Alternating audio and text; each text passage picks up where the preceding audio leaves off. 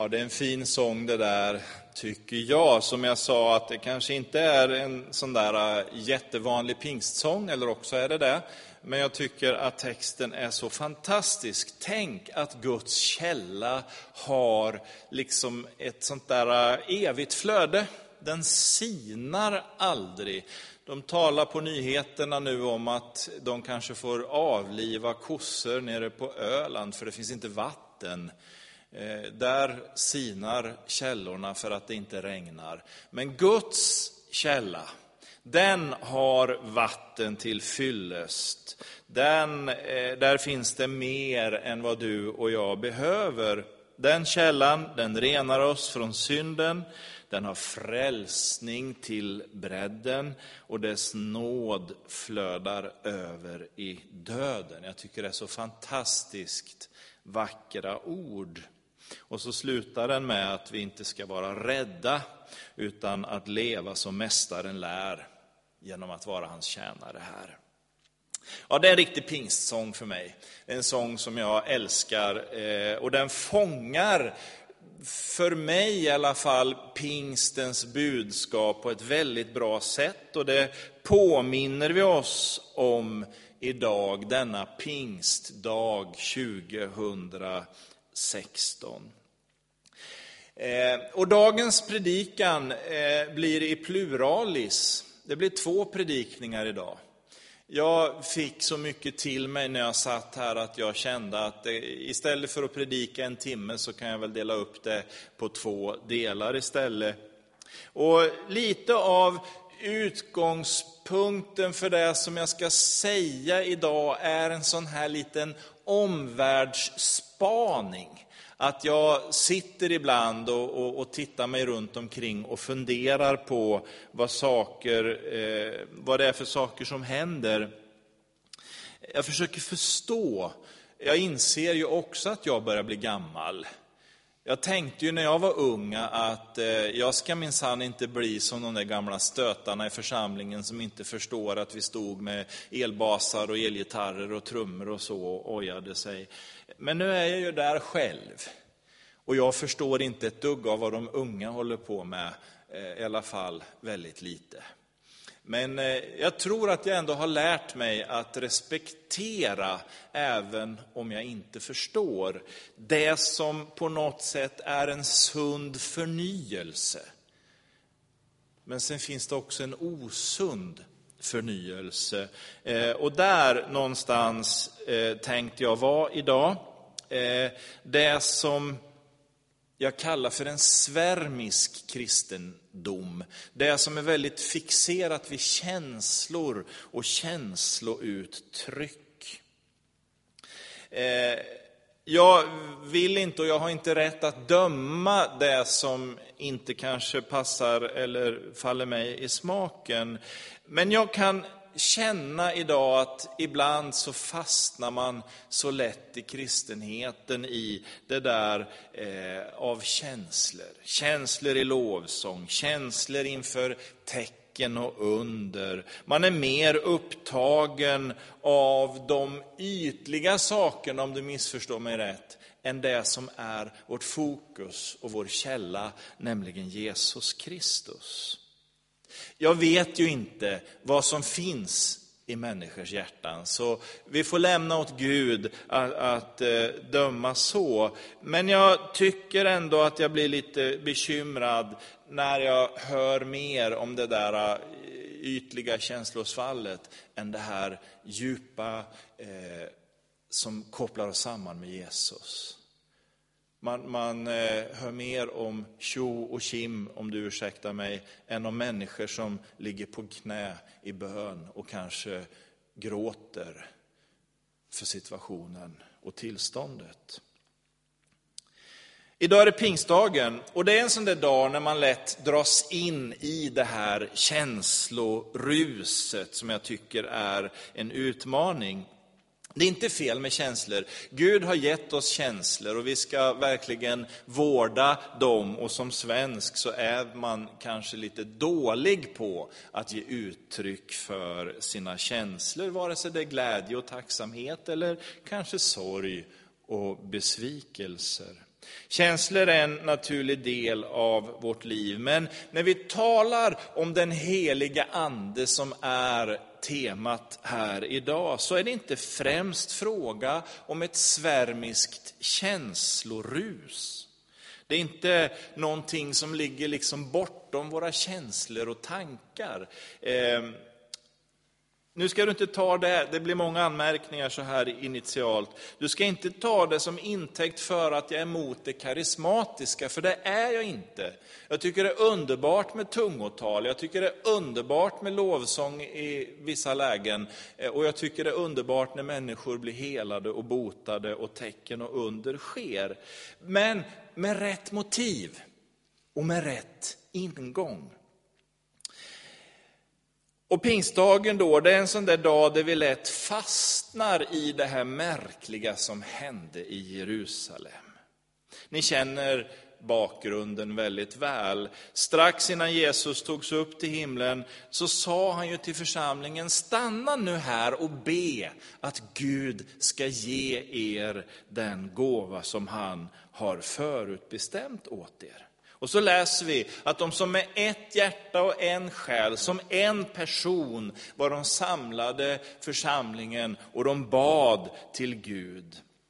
Och jag tror inte att de hade en aning om vad de väntade sig.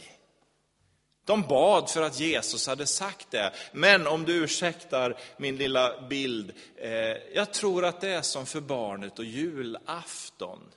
Man vet att man ska få en gåva, men man vet inte riktigt vad som är i paketet. Kanske att församlingen var där och skakade lite och började fundera på, vad är det vi väntar på? Men någonstans var man ändå lite oförmögen att påverka det där. Så jag tror att man var där och man bad tillsammans att Guds gåva skulle komma. Och så hände det på pingstdagen med besked som vi hörde Margareta läsa. Dramatiskt och ljudligt sänkte sig tungor som av eld ner över församlingen. Och så händer det någonting. De drivs ut i Jerusalem och börjar tala på språk som de inte överhuvudtaget behärskade och kunde. Så börjar de tala om Jesus. Och människor som var där från olika delar av världen, de hörde om Jesus på sitt språk och vart lite förundrade. Och så trodde en del att de var berusade, men Petrus han klev fram och han talade för dem om vad som hade hänt. Med hjälp av profeten Joel, precis som vi också har hört här idag, förklarar han vad det är som de ser och hör. Och just där, just i den stunden händer något. Och det är ärendet för min predikan idag. Och jag tänkte utgå ifrån Apostlagärningarnas nyckelvers, Apostlagärningarna kapitel 1, vers 8. Och temat här är den helige Ande. Och vi läser Apostlagärningarna 1 och 8. Det är Jesus som säger det här till lärjungarna strax innan himmelsfärden. När den helige Ande kommer över er, då ska ni få kraft och ni ska bli mina vittnen, både i Jerusalem, i hela Judeen och Samarien och ända till världens ände. Låt oss be. Jag tackar dig Gud för ditt ord, och jag ber att du genom din ande som är utgjuten över vår gemenskap här idag också ska göra ditt ord levande och verksamt. Låt det som kommer ifrån dig tränga in i våra hjärtan med liv och kraft. Och skulle något inte vara ifrån dig så ber jag att det ska falla till marken och dö. I Jesu namn. Amen. Ja, här är det många trådar som ska vävas samman och jag hoppas att jag kommer att klara det utan att bli alltför rörig och förvirrad. Eh, men jag börjar i slutänden. Jag ger dig facit så här, så du vet vilket mål vi är på väg till. Pingsten har tyvärr i vissa grupper fått ett fokus på andedopet och tungotalet och de här sakerna som är jätteviktiga och som är en naturlig del i en levande församling. Jag hoppas du förstår det. Men det är inte pingstens syfte att vi ska komma in i det karismatiska, tala i tungor och, och se andra nådegåvor komma i funktion. Det är liksom positiva frukter av pingsten, men det är inte pingstens syfte. Och för att förstå vad pingsten ytterst handlar om, så måste vi börja i gamla testamentet. Och så kommer vi så småningom att eh, närma oss apostlärningarna 1 och 8, så får vi lite kraft och så ger vi oss ut på en lite ny upptäcktsfärd innan vi så småningom landar i apostlärningarna 1 och 8 en gång till. Så du kommer att få den versen tre gånger i dagens predikan och så ska du få den som ett sändningsord. Så fyra gånger tänkte jag att vi läser idag den versen. Men vi börjar i Gamla Testamentet, vi börjar i bildspråket i Gamla Testamentet. Jag tycker det är så fantastiskt, jag älskar att läsa Gamla Testamentet. 99% förstår jag inte, men jag tycker ändå det är underbart att sitta och läsa eh, allt det som händer. Och jag blir ju lite förtvivlad ibland när folk väljer bort Gamla Testamentet just för att det är svårt och förstå det som står och det som händer. Eh, och så är det ju. Det är mycket man inte begriper, men man får väl eh, samtidigt tänka att det är Gud som har gett oss det ordet. Och det står där, jag kan inte påverka eller förändra Gamla Testamentets budskap. Jag kan bara förhålla mig till det och acceptera, ja men Gud säger så, och då är det det. Förstår jag det inte, ja då får jag göra som Luther, jag lyfter på hatten och så får jag gå vidare. Kanske att Guds ande ger ljus över det någon gång förr eller senare. Och det här avsnittet, Gamla Testamentet, det är ju väldigt präglat av den judiska traditionen och miljön. Eh, det är först i förlängningen av Apostlärningarna 1 och 8 som det här bärs ut över världen som vi hörde. Från Jerusalem eh, ut via Judeen, Samarien till världens yttersta gräns. Och den här teologin som präglade området på den tiden, den har en dualism, en tvådelning som finns där. Vi ser den kanske som allra tydligast hos Johannes, evangelisten Johannes, när han i tredje kapitlet berättar om hur Jesus och den judiske läraren Nikodemus sitter och samtalar om varandra. Och så talar Jesus om att födas på nytt. Och Nikodemus han förstår ju inte det där, hur ska jag komma in i mammas mage och födas en gång till? Det går ju inte. Men Jesus han talar ju inte om det fysiska där, även om det uttrycks på det viset. Utan han talar ju om att födas från ovan. Och så läser vi vidare i de här texterna och så ser vi tydligt Jesus nämner, om jag talar om det jordiska och ni inte ens förstår det, hur ska ni då förstå när jag talar om det himmelska? Alltså det finns en tvådelning. Det himmelska och det jordiska, det andliga och det fysiska. Den dualismen går genomgående i den här teologin som Gamla Testamentet innehåller. Och när vi läser de här texterna så behöver vi förstå att de beskriver en historisk verklighet. Det är inga sagor, det är inga myter, det är inga teorier som är påhittade. Nej, Abraham, Mose, Elia, Rut, David och allt vad de heter, de här som vi läser om, det är ju historiska personer som har levt. Striden mellan David och Goliat är ju också en historisk verklighet. Vandringen genom Röda havet är en verklig händelse, även om den kan vara lite svår att förstå. Men likväl är det någonting som har hänt. Det finns en historisk verklighet. Men det finns också en andlig dimension som vi inte kan förbise. För Gud vill, genom allt det som händer genom Gamla Testamentet, så vill han berätta för oss någonting mycket större. Någonting som handlar om hans yttersta vilja att få gemenskap med oss. Den plan han hade från allra första början att återlösa en förlorad mänsklighet. Den planen får vi följa andligt sett genom Gamla testamentet. Och jag hört, du har hört det här tidigare om du har hört mig, men jag kan påminna dig, påminna dig om det ändå. Från början när syndafallet är ett faktum, Adam och Eva har ätit av den här frukten, så går ju sanningen upp för dem. Och de inser någonstans att det här är inte rätt tillstånd. Och de upptäcker, vi är nakna. Och så måste Gud offra ett djur för att skyla deras nakenhet. Och det är klart att Gud, han offrar ett djur. Det första, första tillfället i historien överhuvudtaget när någonting dör, är i det ögonblicket när Gud offrar ett djur och gör kläder för att skyla Adam och Evas nakenhet.